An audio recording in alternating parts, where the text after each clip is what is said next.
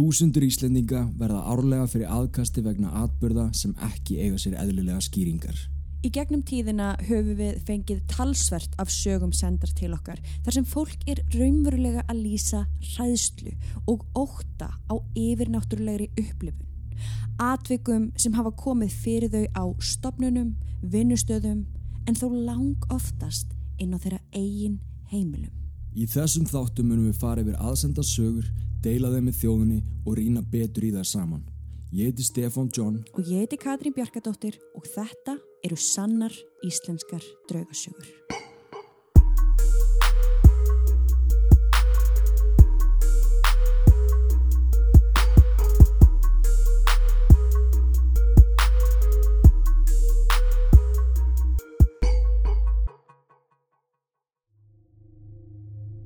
Eftirfarandi sögur eru sannar og koma frá fólki úr öllum stjættum þjóðfélagsins. Allt eru þetta mismunandi einstaklingar á mismunandi aldri.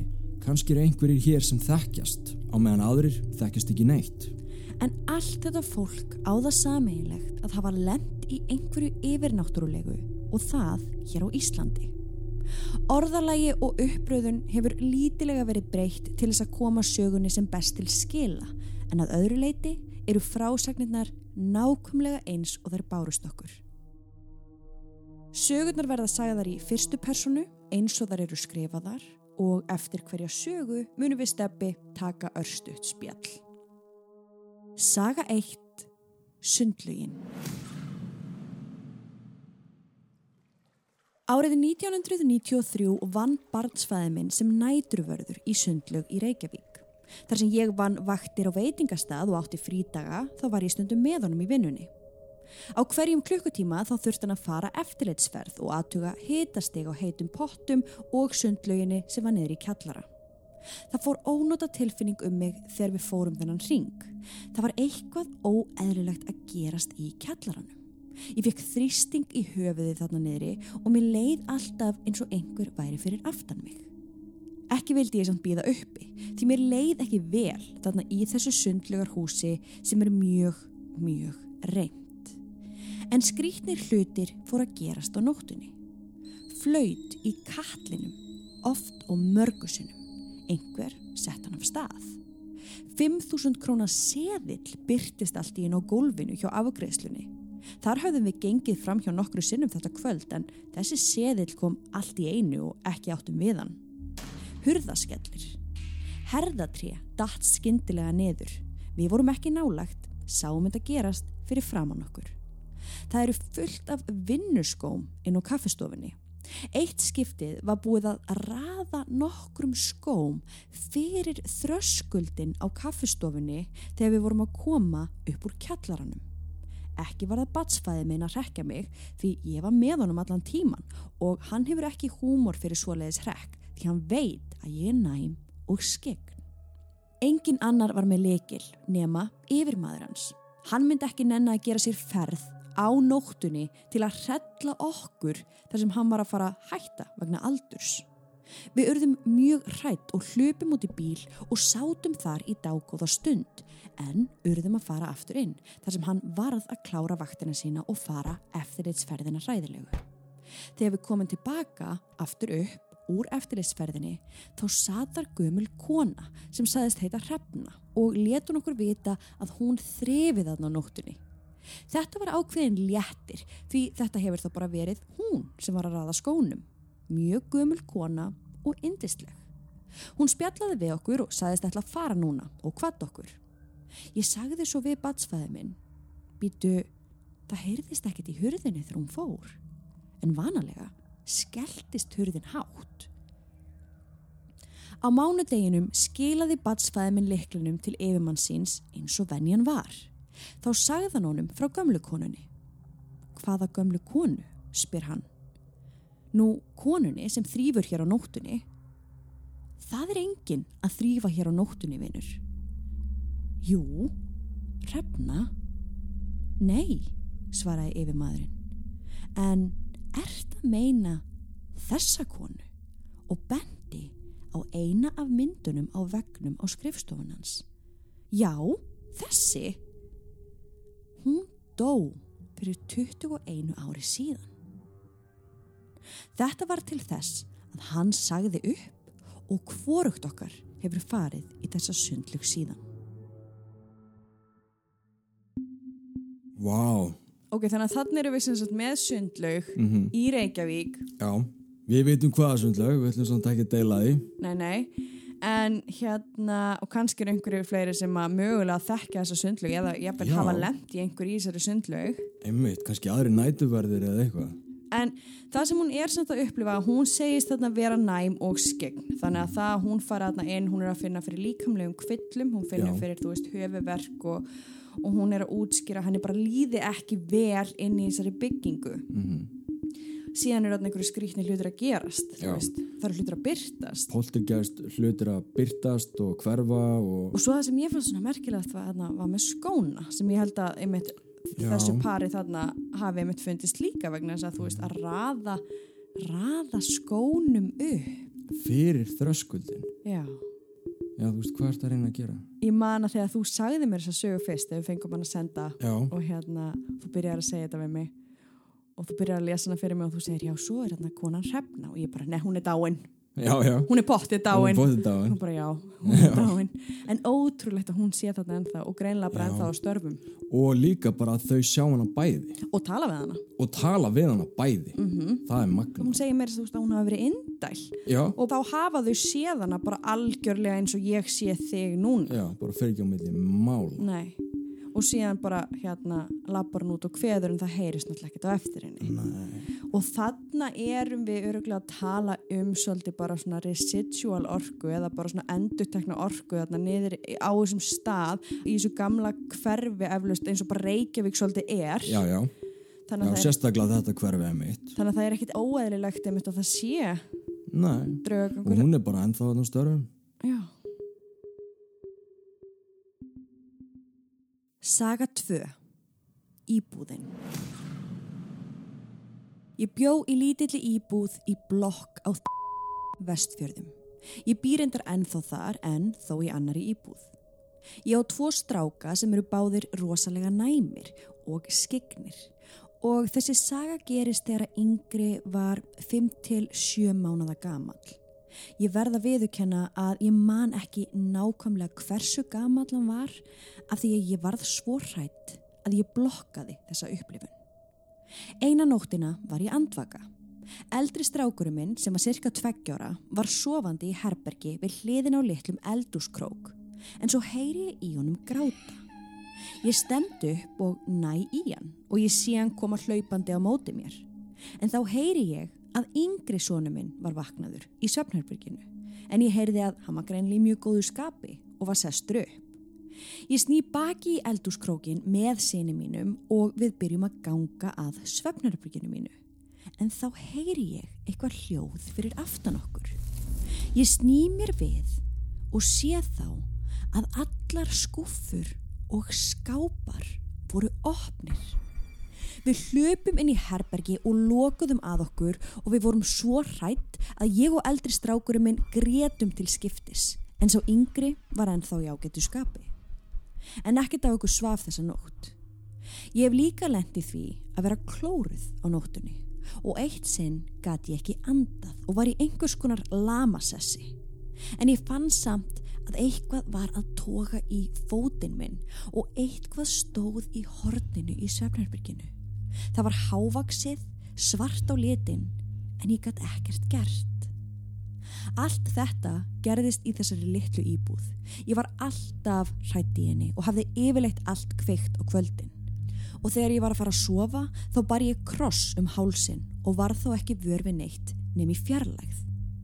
Ég frétti síðan að maður hafi dáið í þessari íbúð og á undan mér bjóð þarna annar illa innrættur maður sem greinilega dró svona illt að sér og það varð eftir í íbúðinni. Ég þurfti að fá hjálp við að reynsa út og reynsaði út einu svona dag. Svo lengdist það um tvo daga, þrjá daga og svo viku. Ég flutti svo út úr íbúðinni ári síðar og flutti í aðra sem var í sömu blokk og á sömu hæð en þó langt frá gömlu íbúðinni. Ég lappa fram hjá henni þegar ég fer út en ég let reynsa út úr henni áður en ég skila henni af mér þannig að öllum líður vel í henni núna. Svo lendi ég líki því einu sinni að einhver kvíslaði að mér eitthvað. Mér brá ekkert smá. Já, þetta er sláandi poltergeist. Þetta er, þetta er sláandi poltergeist og þetta er bara típist poltergeist einmitt að allt opnist í eldúsinu. Emitt. Og klórfur og þessi tókaði fætur og sveplömun, Mm sleep paralysis, það er mjög algengt. En dimm öll eða neikvæðar orkur, það, það er líka bara laða að sér svona poltergeist. Algjörlega. Og síðan að það hafi verið döðsfall í þessari íbúð Akkurat. og að það hafi mitt einhver óreglumadur búið þarna á undan henni. Allt tryggur af svona. Allt tryggirar en svo talar hún um að hún hafi byrjað að byrja kross Mhm. og að þá einhvern veginn hafi þetta fjarlægst. Þetta hafi verið þarna en fjarlægst hana Já. Og að duglega hreins út sjálf. einmitt og, og greinilega eins og hún segir fólkin, fólki sem býr þarna í dag því líður greinilega vel. Akkurat, bara vel gert Saga 3 Littli strákurinn Árið 2005 Árið sem ég fann ástuna í lífinu Ég hafði unnið í dágáðan tíma á sama vinnustad þegar inngengur þessi nýja samstafskona Ég var nú svolítið skotin í henni og endaði á að bjóða henni heim til mín í drikk Á þessum tíma bjóð ég heima á pappa mínum en þetta kvöld var hann ekki heima Til að gera langa sögur stutta þá varð hún fljótlega ólétt og þar sem við byggum bæði í foreldrahúsum þá vildum við ala barnið okkar upp í eigin húsnaði. Við urðum því að finna íbúð sem allra fyrst. Við skoðum margar íbúðir en eftir dágáða leit þá fundum við eina sem var fullkomin í gömlu hverfi í Hafnafjörði. Okkur leiði vel og vorum virkilega hamingjusum og eftir nokkra mánuði kom dóttir okkar í heiminn. Þegar hún var um svona sjö mánuða gömul byrjaði að reyna að láta hann að sofa inn í sínu eigin herbyggi en fram að því hafði hún verið inn í hjónherbyggi okkur. Það gekk bara ansi vel til og það sem íbúin var ekki stór fannst okkur óhætt að loka bara inn til hennar svo við myndum ekki vekjana og vera svo bara með baby monitor til að heyri henni. En í hvert skipti sem við heyrðum í henni vakna þá var tekið í hörðarhúnin hjá henni og hörðin opnaðist. Í fyrstu heldum við að þetta væri bara gegnumtrekkur og kiftum okkur ekkert mikið upp við það. En eitt kvöldið þegar þetta gerðist aftur voru allir gluggar kyrfilega lokaðir svo að gat bara ekki verið. Við horfðum á hvort annað og skildum ekkert í því sem var í gangi nýja áttuðum okkur á því að þetta var einungis byrjunin. Eitt kvöldið ákvaði ég því að setja upp vídeokameru inn til hennar. Ég íta á upptöku og loka á eftir mér. Þegar ég fer svo yfir upptökuna daginn eftir tek ég eftir því að myndavillinni hrist til eins og um jarðskjölda var að ræða sem var mjög skrítið því myndavillin var á þrýfæti. Eftir cirka eitt ár þá hætti þetta með hurðina og allt var eðlilegt aftur. Þegar við fórum samt að tala um þetta við vinn og fjölskyldi mættum við samt engum skilningi og okkur sagt að þetta væri hreinlega ekki satt eins og þetta væri bara eitthvað tabú sem ekki mætti tala um. En mamma trúði þó og skildi okkur mjög vel en það hefði hún sjálf lent í draugagangi á sínum yngri árum. Ekki leið á löngu þar til við áttum von á öðru barni en urðum fyrir því áfall að missa það. En nokkru mánuðum síðar kviknaði þó aftur von og fættist okkur annars stúlkubarn í desember 2008. Nú var nógum að vera hjá okkur litlu fjölskyldinni og allt leiki lendi. Þar til eitt apríl kvöldið þegar við hjúin lágum bæði upp í rúmi með börnin tvö sofand á milli okkar og við heyrðum barskrátur koma úr herbygginu við hliðana. Ég stekk á fætur og kíki inn í barnaherbyggi en um leið þá hætti gráturinn og ég átta mig á því að börnin eru bæði sofandi í herbygginu okkar. Ég vissi þarna ekkert hvað ég ætti að gera. Var þetta virkilega byrjið aftur, eitthvað inn í húsinu sem við gætum ekki séð. Í marga mánuði skildum við ekkert hvað var í gangi og það tóka mitt mikið á að vita það ekki. Eitt kvöldi þegar ég kem heim eftir erfiðan vinnudag og allir eru sopnaðir, sest ég á rúmgablin og var að gera mig klárun í háttin þegar ég sé lítinn strák trítla frá stofunni og inn á klósett. Ég missi andlitið og viðkenni að ég reynlega fröys en eftir smástund kík ég inn á klósettið og þar var auðvitað enginn. Svo ég dreif mig upp í rúm og setti sængina alveg yfir hausin á mér og reyndi að sopna. Morgunin eftir ræði ég þetta við konuna mína en bregður mjög þegar hún segist sjálf ítrekað hafa síða litla drengin líka. Síðar þennan sama dag átti ég gott spjall við mömmu mína um það sem var í gangi heima hjá okkur en það hún svo eina sem að trúða okkur. Hún var mjög áhuga söm og skildi vel áhyggjur okkar og endaði á því að lofa að reyna að taka litla drengi með sér þegar hún myndi falla frá. Enda var mamma mjög veik þegar hinga var komið og við vissum öll að hún ætti ekki mikið eftir. Nánast á hverjum einasta degi fórum við að sjá hennan litla strák aftur og aftur í mist lappandi frá eldúsinu eða stofunni og inn á klósett. Við gáðum ekki annað en hugsa með okkur að mögulega væri þetta strákurinn sem við mistum. Í desember 2015 var móðu mín svo bráðkvött og andlóta hennar tók mjög mikið á og sérstaklega okkur hjónin þar sem við höfum bæði lengi skipst á að fara daglega til hennar og aðstofana við hitt og þetta. Aðeins örfáum dögum eftir fráfællanar hættu við svo að sjá strákinn inn í íbúðun okkar og viljum við trúa því að mamma hafi hjálpað honum að sjá og fara í áttina ljósinu. Enda búum við ennþá í íbúðun í dag og ekki orðið vörfið neitt draugagang síðan þá. Þetta er svo falleg saga finnst mér. Já, En veistu hvað, mér finnst eiginlega hérna svona gáttum að við. hérna þau búa þarna saman hjónin og þau börnin. Já, Hann sér strákin hlaupa og segir konunu sinni og konan er búin að sjá nákvæmlega sama en ekki búin að segja honum. Skilur það. Þetta er það sem gerist svo mikið þegar við ákveðum, þegar þetta er svona mikið tabú og við erum svo ótrúlega hrætt við að enginn hérna, Trú okkur. trú okkur en sömulegist og bara efumstu alltaf um okkur sjálf. Sem er eðlilegt Þannig að þú veist, ég er ekki endilega þarna vissum að konan hafi verið að hugsa sko, nei, ég get ekki sagt honum. Mhm. Alls ekki, alls ekki. Ég er meira hugsa sko að maður segir alltaf, nei, það, ég var ekki að sjá þetta. Já, já, einmitt, einmitt. En svo þegar einhver kemur til og segir, hei, ég er að sjá þetta, þá mögulega getur þú fengið smá staðfestingu. Á að þú sést ekki það. Veistu, ég er líka búin að vera að sjá þetta. Já, Ok, þú veist, við erum greinlega ekki einmitt og þú segir, klikkuð. já. Og þetta kemur svona smá staðfesting að þið. Já, Já, já, þetta er góð saga. Og aftur er eru þau að lendi því að enginn er að trúa þeim þá nema mamman. Já, vonandi bara breytu við því með þessu Ég held, að ég held bara allir sé að breyta, ég held bara Já, já. samfélag okkar sé svo mikið að breytast Mhm. og bara það að setjast niður og skrifa sögu og senda okkur, Mhm. það að skrifa heila svona sögu, þetta er bara ótrúlegt svona, Þetta er risa afreg. já þetta er, svona, þetta er líka ákveðið svona frelsi hefur fólk sagt, Já. þú bara setur þetta niður á blað, Mhm. bara Og búin að koma því frá þér og bara Þetta létta gerðist. Já, Saga fjögur Atvikin þrjú Fyrsta atvik Mamma og pappi byggu á laugavegi áður en ég fættist og þau byggu á annar hæð í þryggja hæða húsi. Þau heyrðu alltaf á svipuðum tíma einhvern ganga niður stiga. Þegar þau kíktu fram, þá var enginn. Eitt kvöldið ákveður pappi og vinur hans að um leið þeir myndu heyra þetta þá ætluðu þeir fram og annar þeirra ætlaði að hlaupa upp stegan og hinn niður. Um leið og þeir heyrðu fótatækið sem var mjög hávært og þungstíkt þá bruna þeir fram og pappi hleypur niður og vinur hans hleypur upp. Þeir sjá engan. Þegar pappi er svo að fara niður í kjallara stuttu setna, þá dettur hann niður stegan. Mamma kemur fram og aðtugar með hann og hann var hvítur í framann og segir mömmu að einhver hafi kift í lappinir á honum. Þau fluttu fljótlega eftir þetta. Annað atvik. Ég hef alltaf fundið fyrir því að einhver fylgi mér. Í eitt skipti þegar ég var að fara að sofa þá slekk ég á sjónvarpinu, snýmir við og breyðir sængina upp að haus.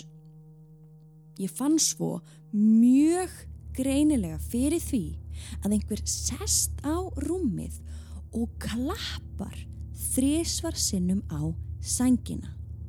Þegar ég kíki er engin í herberginu og hurðin er lokuð. Þriðja atvik. Ég flutti í eigin íbúð með manninu mínum og stráknum okkar sem var þá að verða tveggjóra. Hann hefur alltaf verið mjög skýr og var altalandi á þessum tíma. Hann fekk sitt eigið herbergi og fórum leið að fá miklar martraðir. Vaknaði öskrandi og bendi í hornið á herberginu og sagði alltaf Iddi, iddi. Seitna talaði hann um kallin og vondakallin. Ég hugsaði ekkert of mikið út í og skrifaði þetta á Night Terrors. Svo liðu árin og ég fyrir að heyra skrítin hljóð og lenda í skrítnum hlutum. Brak í parkettinu og ganginum, alltaf klukka nýja á kvöldin. Krafs, hurðir að opnast og lokast að sjálfum sér og ég hugsaði bara, já, þetta er gamalt hús, þetta gerist. Svo eignast ég barn nummið tvö. Þegar hún er á sama aldri og bróður sinn, fer hún að vakna upp öskrandi og eitt kvöldið þá segir hún Itti, itti og bendir í hortnið á herberginu. Hún á allt í hennu erfitt með að sopna og vill alls ekki vera ein í herberginu. Ég frekar ráðalus hvað þetta varða núna. Finnst það bara einum og mikil tilviljun að yngra barnið sem aldrei hefur heyrt um ytti byrji með sömu hegðun og segi sama orð og bendir á sama hortnið í herberginu. Vá, það er eins og börnin séu bara bæði sjáandar Já. Og eins og við hefum marg oft sagt þá eru börn næmari Mm fyrir hlutum og eru eiginlega svona clairvoyant eins og við hefum sagt til 12 ára aldurs og þá byrjar það svona að dvína og við byrjum að setja upp varnir og all, alls konar svo leiðis Já. en mér fannst þetta frábært þarna með þess að gæja tvo þarna amateur ghost hunters að einn hleypur upp og einn hleypur niður Finnst það frábært? Bara hvað, finnum út úr já, þessu? bara finnum einhver svör Já.